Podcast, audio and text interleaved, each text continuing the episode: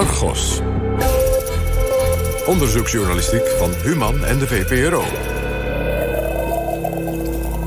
Tessel Blok.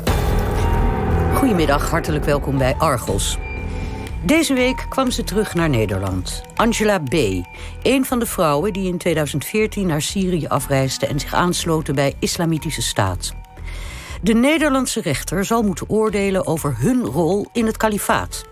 De meeste vrouwelijke jihadisten beweren dat ze niet hebben meegedaan aan de strijd. Ze hebben slechts brood en koekjes gebakken, zeggen ze. Hoe zit dat met de Nederlands-Portugese Angela? En hoe is ze eigenlijk geradicaliseerd? Was het grenzeloze naïviteit of wist ze heel goed waar ze aan begon?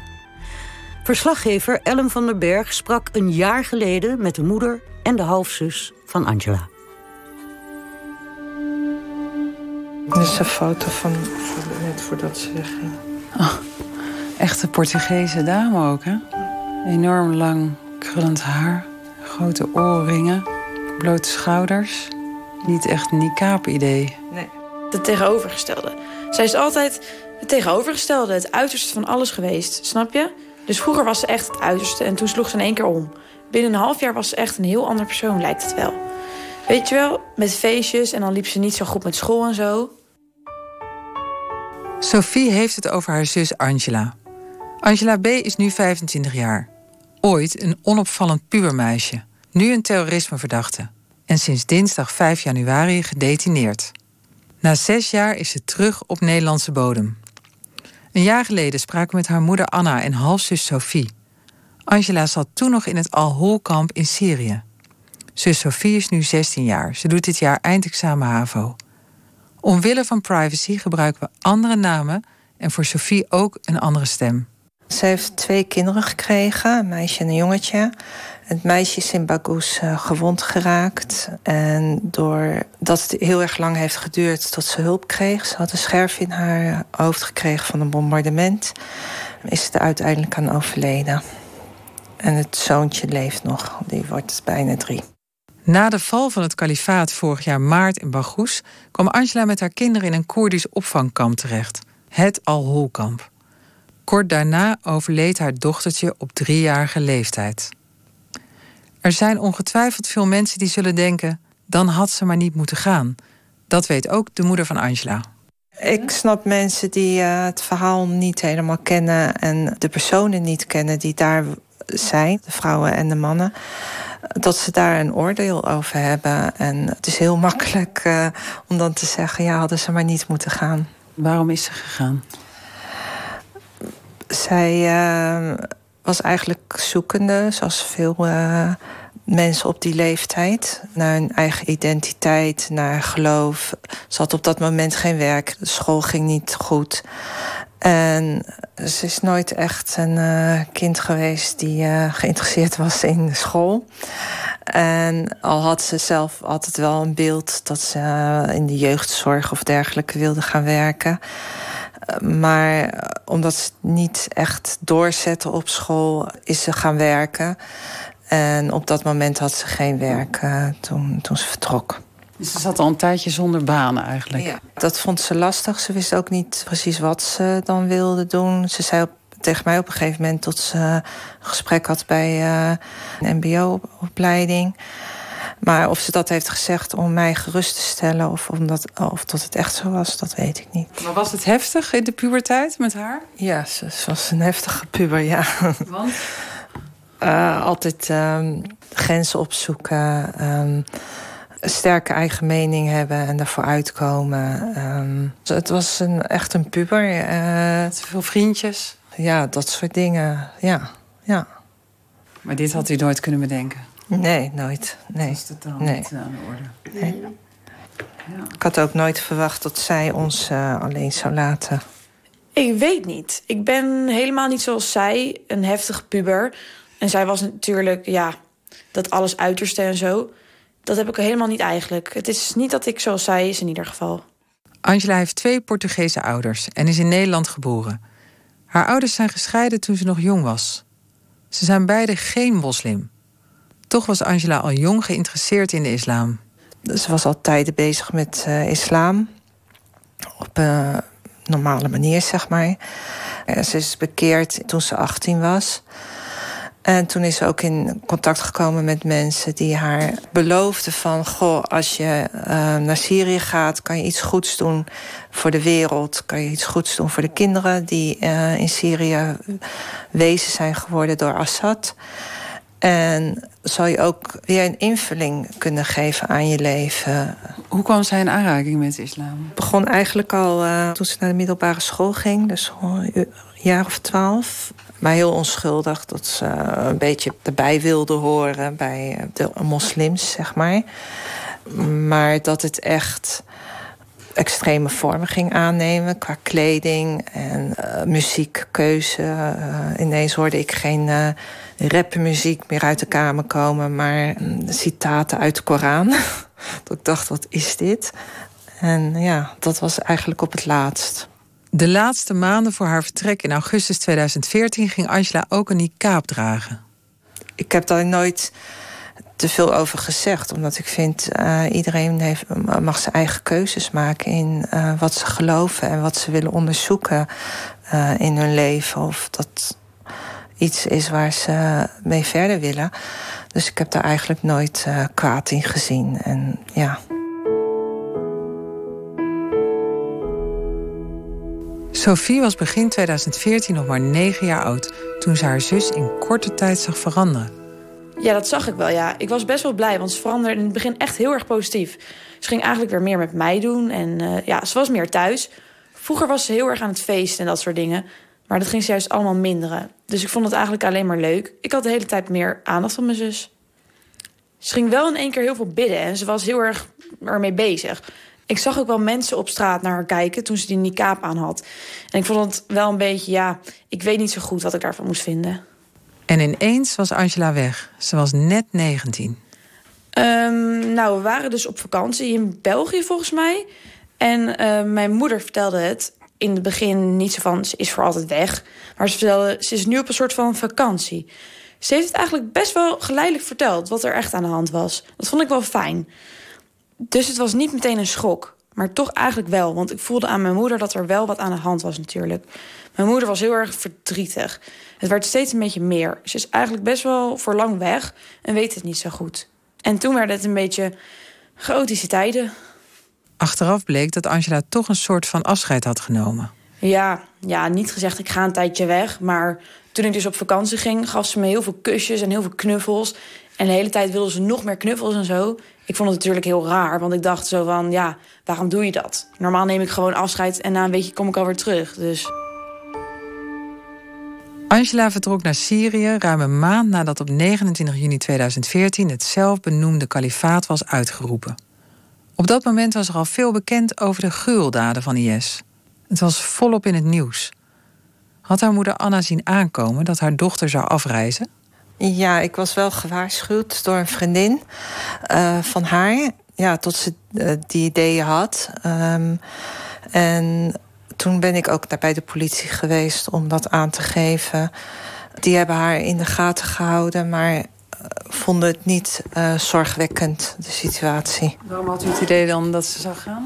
Uh, omdat ik door die vriendin werd gewaarschuwd. Ik, had, ik was helemaal niet bezig met Syrië. En ik dacht, ja, Angela heeft het idee om naar Syrië te gaan. Ja, Syrië, ja, wat moet je in Syrië? En uh, ja. En ze ging alleen? Ja, ze ging alleen, ja. En de man, had ze via het internet of zo? Ja, ik, uh, ik zie dat zo. Ik heb dat nooit, omdat ja, contacten die ik heb is natuurlijk via de app en dergelijke. Dan ga je niet zo diep uh, doorvragen. Maar ik zie het zo dat ze een soort relatiebureau hebben bij de IS. En als iemand geïnteresseerd is om te gaan, dat die wordt gekoppeld aan iemand daar. En bij haar was het een Portugese man. Dat ze wel kijken van, goh, twee mensen bij elkaar zoeken die wat overeenkomsten hebben. Ja, bekende voetballer was het. Ja, hij was naar Engeland gegaan en bezig in Engeland om een voetbalcarrière op te zetten. Angela wordt tijdens het chatten verliefd op de Portugese Fabio. Ze kreeg foto's van hem, uh, dat uh, heb ik later wel begrepen. En ze had contact met hem via Skype. Hier in Nederland nog? Uh, hier in Nederland nog. Toen wonen jullie hier ook? Ja, maar hoorde u dan dat ze aan het skypen was met hem? Ik hoorde het dus via die vriendin van haar dat ze contact had met, met een jongen. En ik zag inderdaad dat op een gegeven moment ging het geluid van de tablet af en, en kwam een Skype-bericht binnen. En dat, hij, dat het een jongen was die uh, contact met haar zocht. Hoe, hoe lang daarna, wanneer liet zij iets horen, Angela? Gelijk um, toen ze in Turkije was aangekomen. Nog niet eens in Syrië was? Nee, ze was nog niet in Syrië. En um, ja, dat was heel heftig. Want ik heb eigenlijk een nacht uh, met haar gebeld en geappt. Omdat ze ook zoiets had van... hé, hey, dit is toch niet zoals ik het me had voorgesteld. Ze werd direct daar een soort van gevangen gehouden. In Turkije nog? Ja, in Turkije werd ze op, door iemand opgevangen... en in een, naar een huis gebracht waar ze geen vrijheid meer had... Maar ze kon niet meer vluchten toen. Maar dat had ze wel gewild? Nou, ja. ze vond... Uh, ze wist het niet meer. Ze was zo in de war. En uh, ze had zoiets van... Ja, het is hier allemaal corrupt. Dus ik kan niet... Uh, ik, ik kan niet vluchten. Ik kan niet politie of zo waarschuwen. En, en ze zag direct mensen met um, wapens. En dat vond ze wel heel erg eng. Uh, van ze, ze, had het idee dat ze daarheen ging om een weeshuis op te zetten. En ja. dat ze met zusters samen. Uh, ja, ze had ook Nederlandse dingen meegenomen. Dat ik dacht van. Uh, ik kom daar aan en het wordt een soort feest. Wat had ze dan meegenomen? Een bikini of zo? nee, dat, dat, dat weet ik niet. Maar in ieder geval om satéetjes te maken bijvoorbeeld. Saté mix, kruidenmix, dat soort dingen. ja. Was zij een feestbeest? Voordat ze ging, voordat ze gelovig werd? Voordat ze gelovig werd, uh, ja, vond ze dat, uh, hield ze wel heel erg van gezelligheid. En uh, ja. Dus u heeft er niet kunnen tegenhouden? Nee. Want zou ze er nu niet nog zitten natuurlijk? Ja, dus die nacht, die nacht is ze opgehaald. En de volgende dag kreeg ik een appje dat ze in Syrië was. En toch had ik zoiets van, ja, um, ik had denk ik niet echt een goed beeld ook over. Uh, ik was er helemaal niet mee bezig. en van, goh, ja, ze kan er ook weer terugkomen. Dat, dat gevoel van, uh, dit gaat een paar maanden duren en dan komt ze wel weer terug. Want ze heeft wel vaker uh, dingen ge gedaan zonder echt goed bij na te denken. Dat ze een vriendje had of zo. En, en later zoiets had van. dat is het niet. Dus ik denk, nou, die is nu gegaan, maar die, die is binnen een paar maanden wel terug. Maar ze kwam niet terug. Dit interview hebben we een jaar geleden opgenomen bij Anne en Sophie thuis. De plek waar ook Angela is opgegroeid. Op dat moment verbleef Angela in een Koerdisch kamp. Daarna wist ze samen met andere vrouwen te vluchten en meldde ze zich onlangs bij het Nederlandse consulaat in Istanbul. Moeder en dochter hebben bijna altijd contact gehouden. Behalve ten tijde van de strijd om het laatste stukje kalifaat in het voorjaar van 2019. Er waren ook uh, periodes dat er zoveel werd gebombardeerd dat ze geen telefoon uh, had of geen internetverbindingen, dat, dat de internetverbinding eruit lag. Hoe ging dat contact? Telefonisch of app? Uh, via de app. Ik heb een paar jaar haar stem niet gehoord. Nu niet? Uh, nu wel weer, maar sinds ze in het kamp zit, kan ik daar. ja, het mag officieel niet, telefoon, maar dat, dat hebben die vrouwen daar toch. kan ik haar bellen, zeg maar. En uh, ja, sinds ze eigenlijk uh, uit het IS-gebied is, kan ik ook haar echt spreken over de telefoon. Daarvoor was het alleen maar via de app. Heb jij contact met je zus? Um, nee, niet direct. Soms wel dat ik iets stuur, maar eigenlijk alleen via mijn moeders telefoon. Ja, ik heb er wel gesproken. Ja, heel gek. Ik heb mijn zus al vijf jaar lang niet gezien en zij heeft mij al vijf jaar lang niet gezien. Ik ben van tien jaar van heel klein naar vijftien jaar gegaan. En vijftien jaar, ja, dan ben je alweer wat volwassener. En ook wel door wat er is gebeurd, word je volwassener van. Dus dat is wel een beetje gek. En ook wel een beetje, ja, er is best wel een grote kloof tussen ons nu. Angela en Sophie schelen negen jaar. Sophie heeft veel last gehad van alle negatieve aandacht voor haar zus. Ik werd ineens door iedereen aangesproken. Ik vond het wel een beetje eng of zo. Ook door klasgenoten. Ja, je zus staat in de krant. Ik, ik vond het niet zo fijn. Maar ook door mensen die ik niet kende. Ik was natuurlijk heel makkelijk, want Ik was heel klein. Dus mij kon je heel veel halen, weet je wel. Mensen hielden daar geen rekening mee. Ook op straat aangesproken door allemaal vreemde mensen en zo. Die zeiden, oh, je bent toch het zusje van Angela en zo.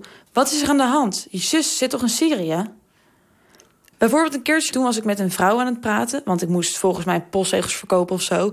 Ik zei in welke straat ik woonde. En toen zei ze helemaal van, oh, daar is een meisje weg en zo.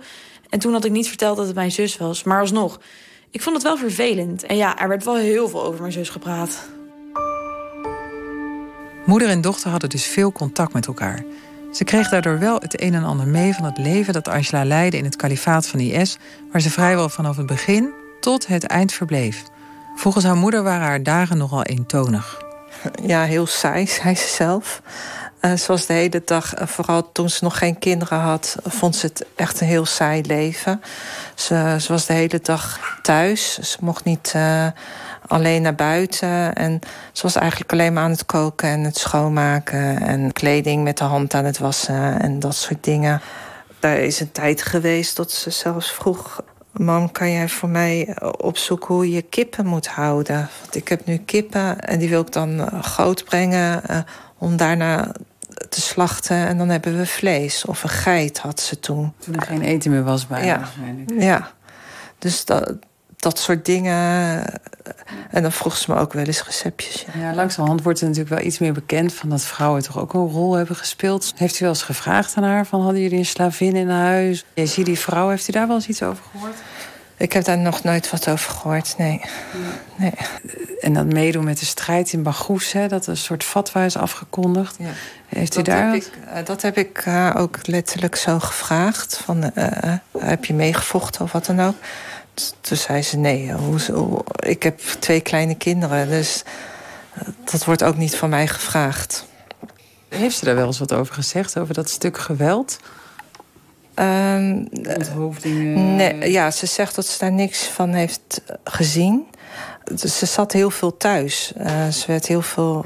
Uh, ja, als haar man zeg maar aan het werk was, wat, wat hij dan ook aan het doen was, en mocht zij niet naar buiten. Ja. Want er zat een slot op de deur. Ja. Want waar heeft ze gewoond? Ze heeft verschillende plekken gewoond. Ze hebben zich steeds moeten verplaatsen. Maar ook in Raqqa? Ook in Raqqa, ja. Ja, en, en weet u in wat voor huis ze woonde? Ze dat toegewezen gekregen? Ja, uh, ze heeft in verschillende huizen gewoond en dan kreeg ze toegewezen, inderdaad. Ja. En wat, wat deed haar man? Uh, dat heeft ze nooit echt zo gezegd. Ze zei altijd, hij gaat werken.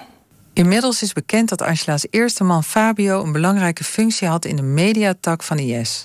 Hij zou meerdere executievideo's hebben gemaakt. Toch gelooft moeder Anna dat haar dochter onschuldig is en vooral naïef is geweest. Ondanks de verhalen over de rondse praktijken waaraan Angela zich zou hebben schuldig gemaakt en foto's waarop ze in die kaap zou poseren met een Kalashnikov. Die heb ik ook gezien, maar dat was zij niet. Dat, dat weet ik zeker, niet. ja. En, en hoe, hoe, weet u dat? Um, sowieso heeft ze, uh, toen ik die foto naar de stuurde, uh, zei ze dat, uh, van haha, dat ben ik niet. en ik, ik ken haar ook al heeft ze niqab aan, ik ken haar lichaamsvormen. En dat, dat klopt gewoon niet met, uh, met die vrouw die ik zag op de foto. Maar ja, het is ook heel moeilijk om te zien natuurlijk. Ja, ik heb een, er was één foto waarvan werd gezegd dat zij het was. En uh, die heb ik gezien en dat was zij niet. Maar natuurlijk zegt u dat over uw dochter, denk ik dan. Maar hoe weet u dat zo zeker? Dat uw dochter uh, zich niet schuldig in heeft gemaakt aan, aan geweld eigenlijk? Of getuige is geweest van onthoofdingen. Bijvoorbeeld in Raqqa op het plein. was natuurlijk ook een filmzaaltje. Ja, ik, wat ik meekreeg van haar was gewoon thuis en bezig met de kinderen. En ja, ja. Dat, dat, ik weet hoe, wat de opinie is. Het gewelddadige stuk, gelooft ze daar nog in? Nee, ze heeft gezegd uh, dat, dat ze nog steeds moslim is. En dat ze naar de wetten van Allah wil leven. Maar uh, wat de IS heeft gedaan en ja, de kant dat dat op is gegaan, die kalifaat, dat ze daar niet mee eens is. Een jaar geleden sprak programmamaker Sinan Khan voor zijn tv-serie De Lokroep met Angela in het Al-Hol-kamp. Nadat haar man Fabio, de vader van haar zoon en overleden dochter, was omgekomen, hertrouwde Angela met een vriend van Fabio ook een Portugees. Haar nieuwe man leeft nog en zit gevangen. In het interview lijkt ze geen afstand te nemen van de islamitische staat als zodanig. Ik vind de islamitische staat zoals ik het beleefd heb. En dat is, je bent gewoon vrij om te gaan en te staan waar je wilt. Het is niet zoals ik in video's heb gezien dat overal onthoofde hoofden hangen op straat en weet ik wat allemaal, want ik heb dat zelf nooit gezien. Dus een islamitische staat, hoe ik het heb beleefd... Met, je, moet, je moet gesluit de straat op en je mag niet roken... en zeg maar gewoon de basis-islamitische regels die daarin worden uh, uitgeleefd... vind ik dat dat, dat, dat, vind ik, dat vind ik goed. Maar een islamitische staat, hoe, de, hoe ik nu zie dat mensen de islamitische staat hebben beleefd... of hoe ze het omschrijven of wat ik in video's zie... daar sta ik niet achter. Maar ik sta wel gewoon achter de regels van Allah.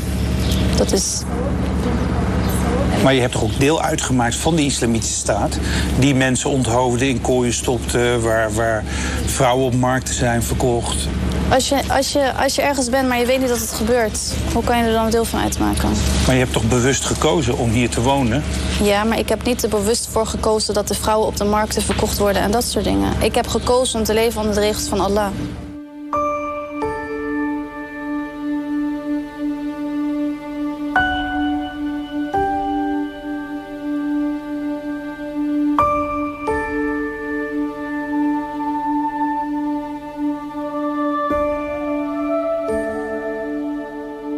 Een beetje een rare vraag misschien, maar houdt u nog net zoveel van uw dochter? Is, dat, is die liefdesband, die moeder-dochterband nog steeds even sterk? Ja. ja. Dat is niet veranderd? Nee, nee, nee. nee. Ik hou nog steeds van haar. En uh, het klinkt misschien heel raar.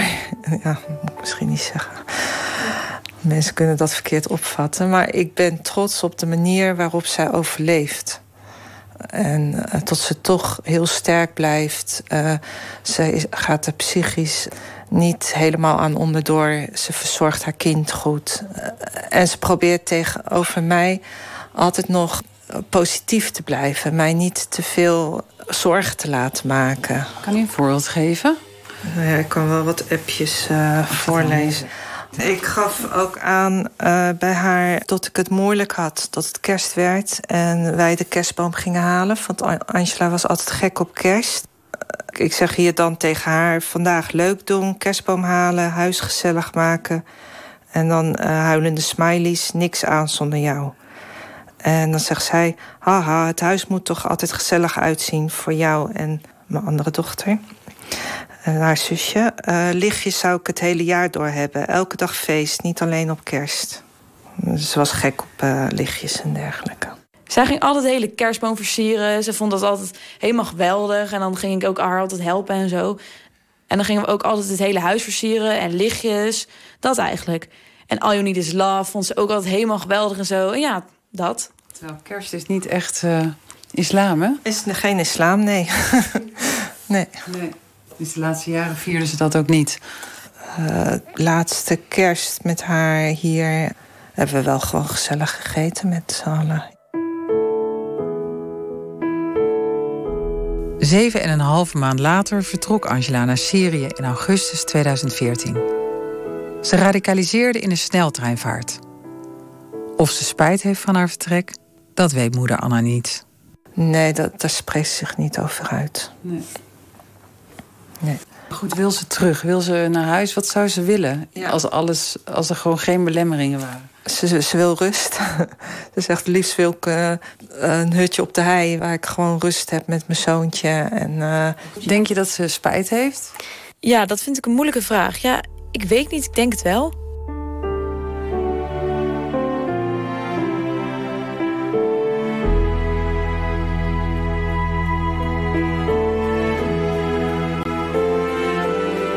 Hoorde verslaggever Ellen van den Berg in gesprek met de moeder en de zus van Angela B.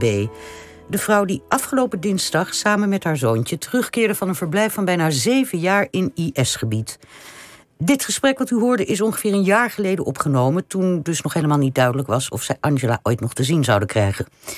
Na aankomst deze week is Angela B. aangehouden op verdenking van deelname aan een terroristische organisatie en het voorbereiden van terroristische misdrijven. Haar vierjarige zoontje is overgedragen aan de kinderbescherming. En Angela zal vrijwel zeker achter de tralies verdwijnen in de nieuwe speciaal voor vrouwen ingerichte terroristenafdeling in Zwolle. Daarover hoort u straks meer. Bij mij in de studio zit de terrorisme-expert Bibi van Ginkel. Hartelijk welkom. Goedemiddag. En kinderombudsman Margriete Kalverboer. Ook welkom. Uh, mevrouw Kalverboer, we, we, komen straks uitgebreid uh, terug op de vraag... hoe het verder moet met die jonge kinderen... van uh, voormalige IS-strijders van Nederlands afkomst. Eerst wilde ik heel kort even van u weten... hoe u naar dit gesprek van met name de moeder van Angela heeft geluisterd. Een moeder over haar kind. In vreemde omstandigheden. Ja, ik vind.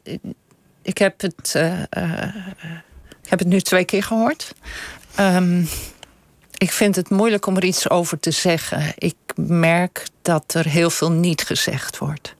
En ik ben vooral geïnteresseerd in ja, wat er niet gezegd wordt. Nee, Want ja. ik krijg op deze manier geen beeld van, van ja, hoe, hoe het leven van Angela is, hoe zij is als moeder is, uh, wat ze wel of niet. Je krijgt meer een beeld van de moeder van Angela over ja, haar kind. En ja, het is ook dat heel, krijg je. Ja, het is ook heel en, begrijpelijk. En, ja, zeker, zeker. Ik snap het ook helemaal. Dat zij als moeder zij dit moeder. beeld schetst. Van ten eerste uit moederliefde, maar ook, ook op grond van de verhalen van haar dochter natuurlijk. Ja, zeker. Zeker.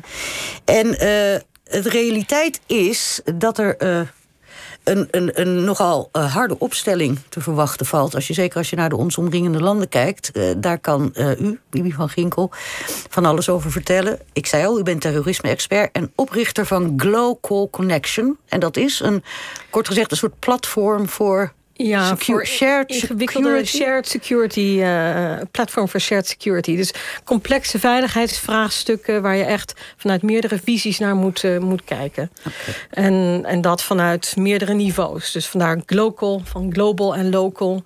Dat verstaat elkaar vaak niet. Dus um, het, het, er is soms een platform nodig om te zorgen dat die gesprekken. Um, ook van groot komen. naar klein kunnen komen. Precies. En van de brede, ja. naar, brede zin naar meer details gericht. Ja, en ja. andersom. En andersom natuurlijk. Over hoeveel mensen hebben we het eigenlijk die nu terugkeren of kunnen keren? Wat voor, wat voor aantallen gaat het? Ja, eigenlijk zijn de aantallen heel klein.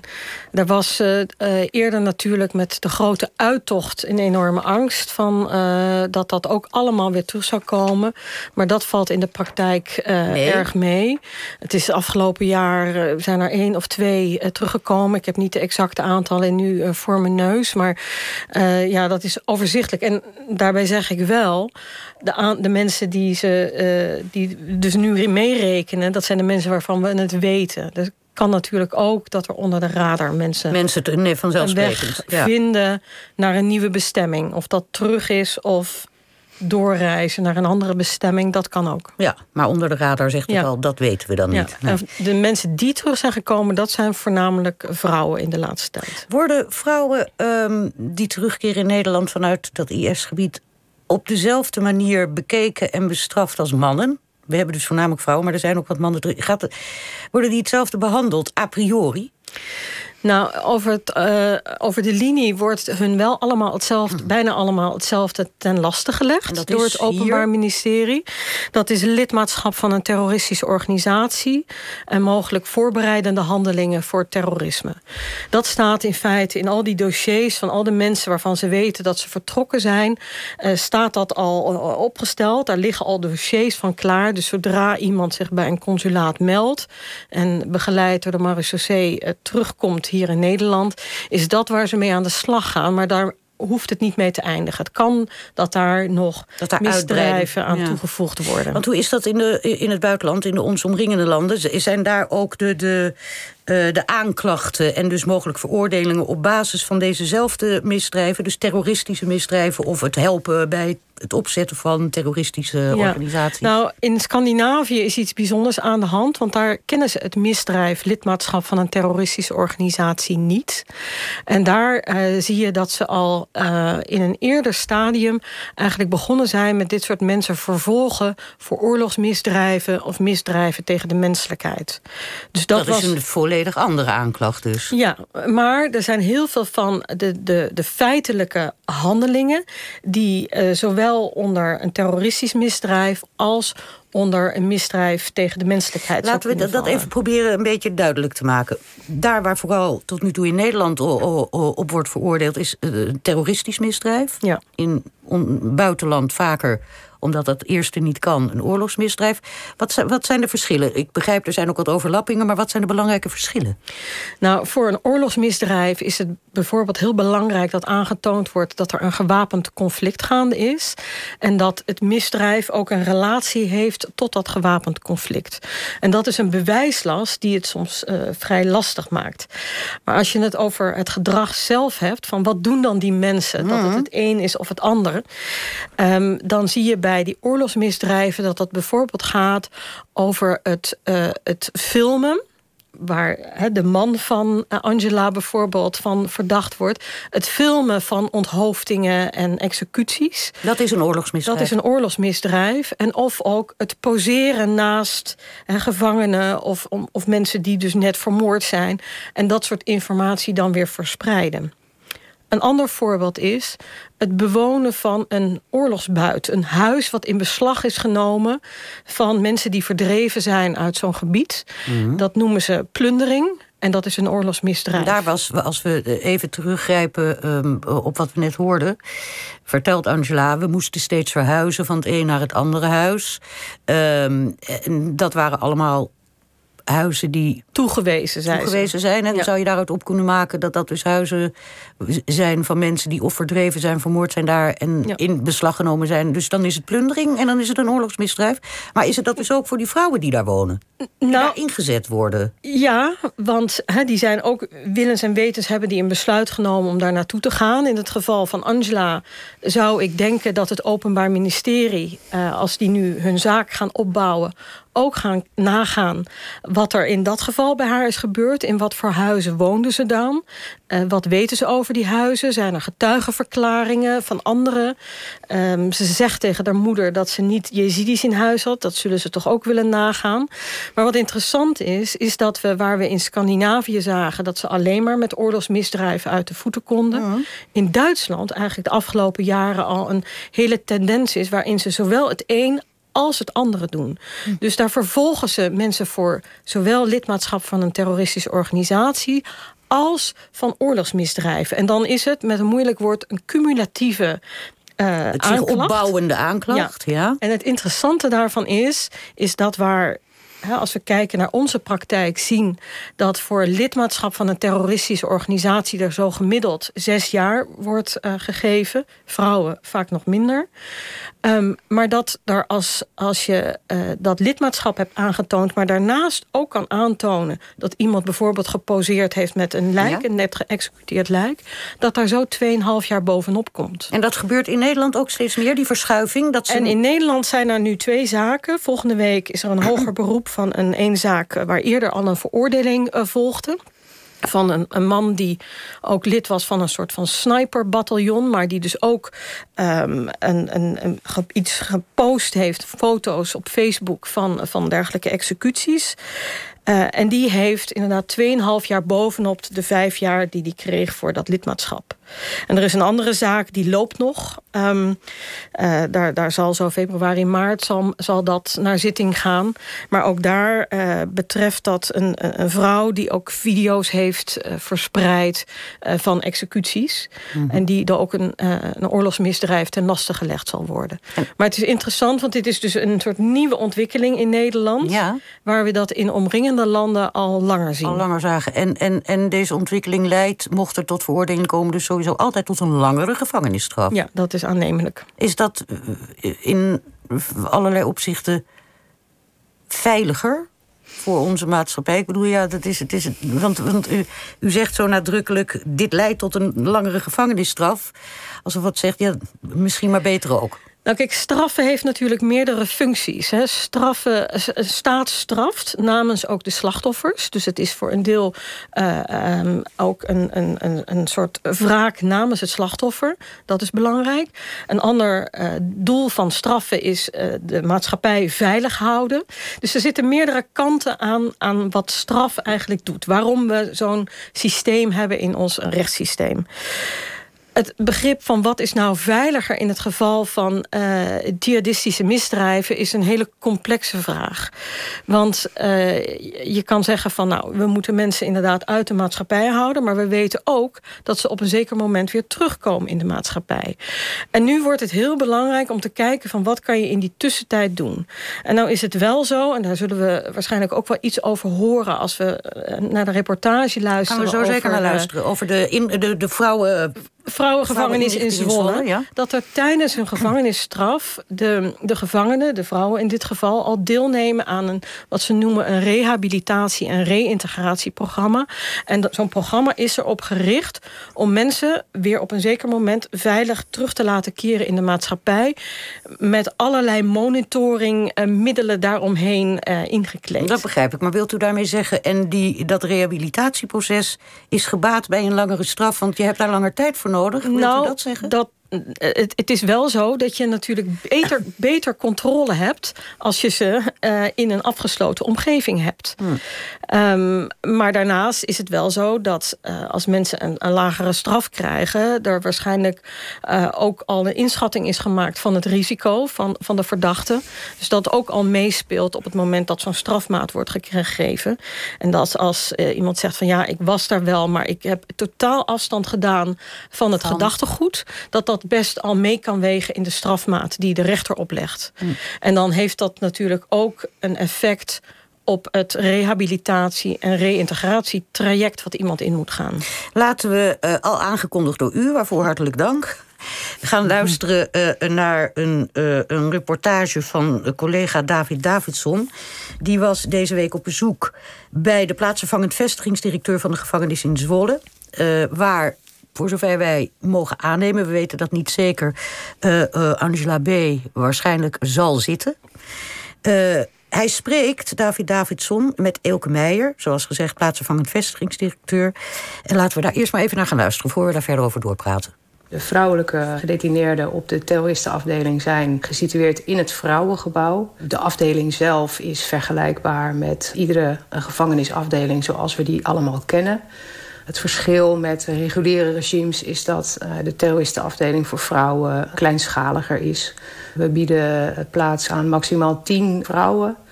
Ja, die eigenlijk uh, een volledig programma volgen op of dichtbij de eigen leefafdeling. Ja. Daarin verschillen ze de, van de reguliere regimes, want die gaan vaak het hele gebouw door voor hun programma. En hoe ziet het leven op de terroristenafdeling in Zwolle er eigenlijk uit? Kunt u dat uh, beschrijven? Ja, de vrouwen hebben een, uh, een basisprogramma dat bestaat uit uh, 26 uur per week activiteiten. En dan kunt u denken aan sport, recreatie... maar uiteraard ook geestelijke verzorging en verblijf in de buitenlucht. En als zij daartoe geschikt worden geacht... dan wordt dat programma van 26 uur aangevuld met 10 uur arbeid... Uh, zij doen dat altijd in kleine groepjes van maximaal vijf gedetineerden... en onder zorgvuldige begeleiding van altijd minimaal twee medewerkers. En verder is het leven eigenlijk zo normaal mogelijk. Althans, zo normaal als dat binnen een gevangenis te realiseren is. Uh, nou moet ik zeggen dat in vergelijking met reguliere regimes... het leven op de TA wel wat intensiever is vormgegeven. Het het deradicaliseringsproces vraagt om specialistische en intensieve interventies en activiteiten. Dus de dames hebben wel een vol programma. En wat doen jullie precies om deze vrouwen op andere gedachten te brengen? Ja, dat is een ingewikkeld proces. Het is, het, uh, deradicaliseren uh, betekent eigenlijk zoveel als afstand nemen van het radicale gedachtegoed. En uh, disengagement, dat is het, het afstand doen van het geweld. Hè, dat gepaard zou kunnen gaan met het uh, bewerkstelligen van het gedachtegoed. Nou, het, het, streven is altijd om deradicalisering uh, te bewerkstelligen. Maar goed, het is een, een cognitief veranderingsproces. Hè. Het, is, het is eigenlijk het veranderen van de eigen levensbeschouwing, hè, van de eigen gedachtepatronen. Dat doen we door een aantal specialistische interventies. Bijvoorbeeld spiegelgesprekken. Die kunnen bestaan uit samen met een uh, specialistisch opgeleide uh, islamitisch geestelijk verzorger lezen van de Koranteksten. Het, het, zal je misschien verbazen, maar veel van de gedetineerden op een TA hebben betrekkelijk weinig kennis van de feitelijke inhoud van de Koran. Op een bepaald moment in hun leven zijn ze bevattelijk geweest voor de denkbeelden, de ideologie van charismatische anderen. En door samen met een specialistische imam die teksten nou eens goed door te nemen en van binnen en van buiten erop te reflecteren, kun je het gedachtegoed van de persoon in feite aanpassen. Of kan hij of zij zijn gedachtegoed aanpassen, want daar gaat het eigenlijk over. Kijk, deradicalisering of disengagement is een, is een gedragsmatige verandering. Dat is veel eer een keuze. En dat kun je natuurlijk uh, aanzienlijk moeilijker in het moment beoordelen. Maar je kunt het natuurlijk wel op de lange termijn monitoren en bewerkstelligen en blijven beveiligen. En slaat het aan? Kunnen jullie dat zien? Ja, het slaat aan, maar het is geen exacte wetenschap en het slaat niet altijd aan.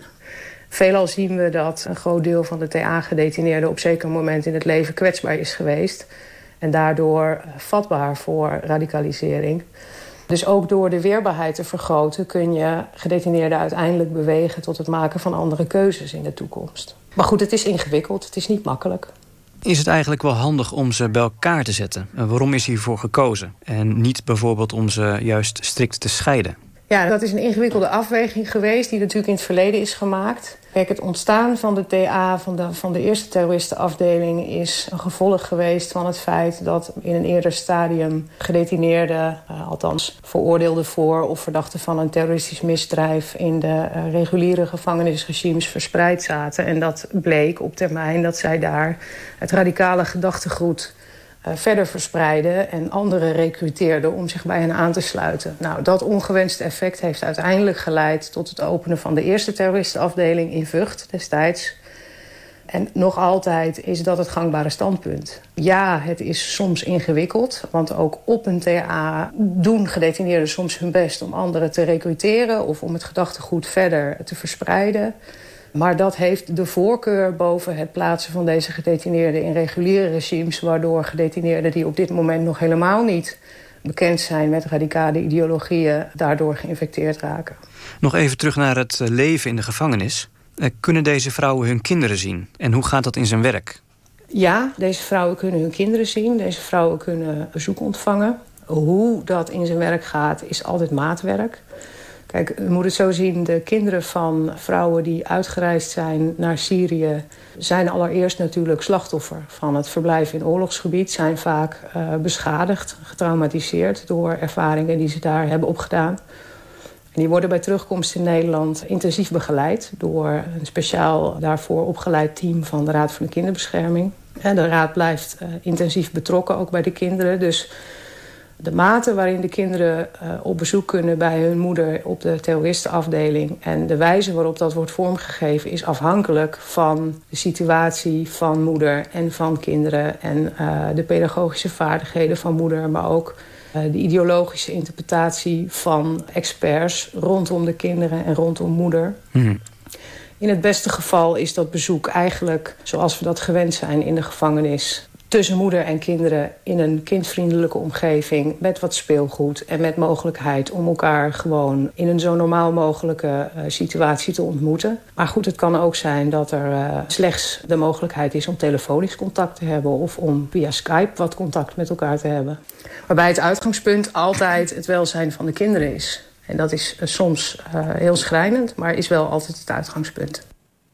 Ja, u hoorde Ilke Meijer, directeur van de terroristenafdeling in Zwolle... waar dus waarschijnlijk Angela B. op dit moment verblijft. Uh, nog even terrorisme-expert Bibi van Ginkel. Als u dit zo hoort, klinkt het u dan goed in de oren... deze aparte afdeling voor vrouwen daar in Zwolle? Nou, het, het, is in ieder geval voortgekomen uit het feit dat de TA, de terrorismeafdeling die ze in uh, Vught hadden eerder, um, eigenlijk een, een, een, te diverse groep had. En het belangrijk werd om voor vrouwen een wat aangepaster regime, ook al maken ze het per persoon nog meer op maat, uh, om dat te, te kunnen bieden. Uh, dus ik denk dat dat in ieder geval een goede ontwikkeling is, omdat het meer maatwerk biedt. Okay. Maar het blijft een discussie over dat helemaal apart zetten van andere gevangenissen. Internationaal is dat een discussie. Er zijn meerdere visies op. Begrijp ik. Angela heeft, zoals we hoorden, een zoontje van vier. Die is met haar terug in Nederland. En uh, dat is een uitzondering, want verreweg de meeste kinderen van voormalige IS-strijders uit Nederland zitten nog ergens in het Midden-Oosten. Soms met een ouder, soms ook alleen, maar zonder uitzondering waarschijnlijk onder erbarmelijke omstandigheden. Kinderombudsman Margriete Kalverboer, ik introduceerde haar al eerder dit uur, maakt zich al jaren grote zorgen en bekommert zich enorm om het lot van die kinderen, is daar hard mee bezig. Weet u eigenlijk bij benadering om hoeveel kinderen het gaat? nog in Syrië of in Turkije zitten? Um, er zitten zo'n 70 kinderen in kampen. Uh, er zouden 45 kinderen in Syrië ergens zijn. En er zijn zo'n 60 kinderen die um, bij, uh, ja, met, met moeder of ouders bij jihad uh, uh, zitten in uh, Syrië. En er zijn, naar ik meen, 40 of 45 kinderen in Turkije. Dus het zijn er meer dan 200? Ja, zo maar voor een deel van de, uh, ja, van de ouders en de kinderen weet je niet of ze terug willen komen naar Nederland. Nee. Want als je in, in Turkije zit, dan heb je in principe ja, heb je de mogelijkheid om naar een ambassade te gaan en terug te gaan. Ja. En, en dus de kinderen die echt in onvrijheid zitten in kampen, dat zijn er 70 op dit ja. moment. Uh, hoe oud zijn die kinderen ongeveer? De meeste kinderen uh, zijn onder de vier of onder de vijf. Dat is ongeveer 90 procent. En ik dacht dat 10 procent uh, boven de negen is.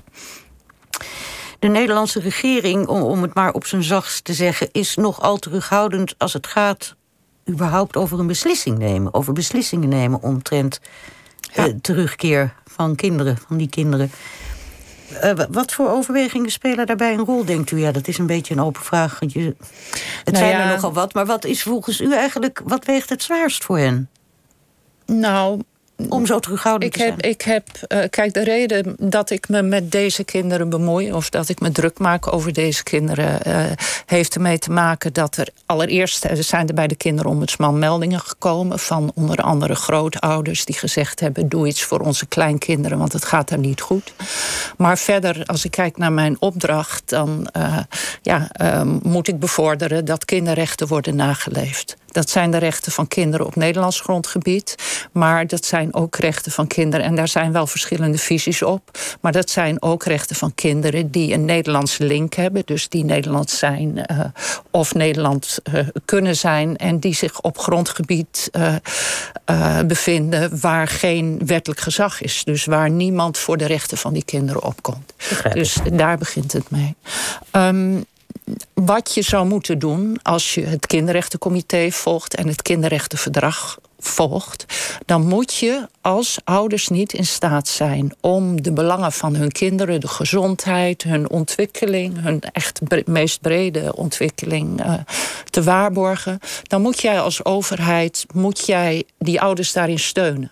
En dat kan dus ook zijn dat je ouders steunt waarvan je denkt van ja, die, die, die hebben een gedachtegoed uh, wat niet het onze is, maar het gaat om die kinderen. Mm -hmm. um, als je kijkt naar wat er op dit moment, of, of, of hoe het op dit moment is, dan zie je dat eigenlijk niemand betwist dat het met deze kinderen heel erg slecht gaat. En dat ze uh, enorm in hun ontwikkeling u, u, gekrenkt u neemt, worden. Dat geeft helemaal niks, een lange aanloop. Maar tot zover zou je zeggen, niets aan de hand. Dus wordt er enorm ja. doortastend opgetreden. Het feit dat dat niet gebeurt. Dat er Nou, zo dat weinig is- gebeurt en dat- dat er zo getraineerd wordt. Waar komt dat dan vandaan? Wat, Nou, zijn, is de belangrijkste wij afweging, of, eh, eh, ja, dat, dat de belangen van kinderen hier niet voorop staan. Wat staat er en- dan wel voorop voor de, voor, de, voor de huidige Nederlandse regering? Voor, Ja, ik spreek natuurlijk niet namens de regering. En Dat ik kom, op voor, maar- ik kom op voor kinderen. maar Maar, u, zult als je zich, kijkt... u zult zich een idee hebben gevormd van wat, de, het, het, het, wat Nou, het ik- Nederlandse beleid ervan weerhoudt. Nou, de in, ik, ik denk, maar dat is natuurlijk een gissing. Maar ik denk dat er, ehm, dat er gedacht wordt dat als je de kinderen hier naar Nederland laat eh, komen, ja. dan krijg je de ouders mee of dan krijg je de moeders mee. En dat zie je Europees. Er is geen enkel land eh, die eh, graag de moeders ontvangt. En daar worden de kinderen de dupe van. En is het zo dat het ook anders zou kunnen? Dat je zou kunnen zeggen, dat wordt dan als hardvochtig gezien... maar ik leg het u maar voor. Ja. Het gaat om een kind van drie en de moeder willen wij voorlopig niet... maar ehm, dat kind wel. Dat gebeurt hier in Nederland ook als ouders uh, niet uh, in, nou ja, in, staat worden geacht om het ouderlijk gezag op een goede manier uit te voeren. Ja. Dan komt de kinderbescherming en die haalt een kindje weg. Nou ja, in mijn optiek uh, kijk je naar belangen van kinderen. En wat ik, zo, wat ik ook voorsta, is dat je om mijn part, want het is, het is enorm ingewikkeld hoor. En ik, ik ben, ik, nou ja, je, je zou de beslissing maar moeten nemen. Maar wat ik heel graag zou zien, is dat er een, een groep komt, een commissie komt. En daar moet deskundigheid zijn uh, rond ontwikkeling van kinderen. En dat mag medisch, pedagogisch, sociologisch zijn. En daar moet iemand in zitten of een vertegenwoordiging van veiligheid die kijkt naar die overige belangen. En daar moet je iemand in hebben die, die, die internationaal uh, rechtelijk ook kan krijgen.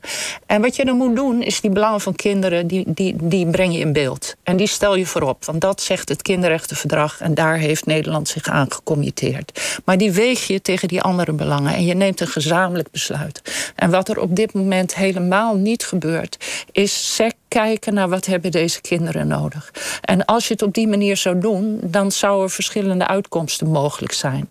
Kijk, kinderen zijn er lang. Dus het zou in het zou zelfs kunnen betekenen dat je zegt van nou, voor sommige kinderen is het maar de vraag of het wel zo goed is dat ze weer terugkomen naar Nederland. Ja, want, ze het kunnen hier... van het kind staat voorop, dat zegt u daarmee. Dus. Ja, maar dat betekent dus ook dat er situaties zijn waarin je, en dat zeggen ze hier in Nederland wel, en dat hoorde je net in de reportage.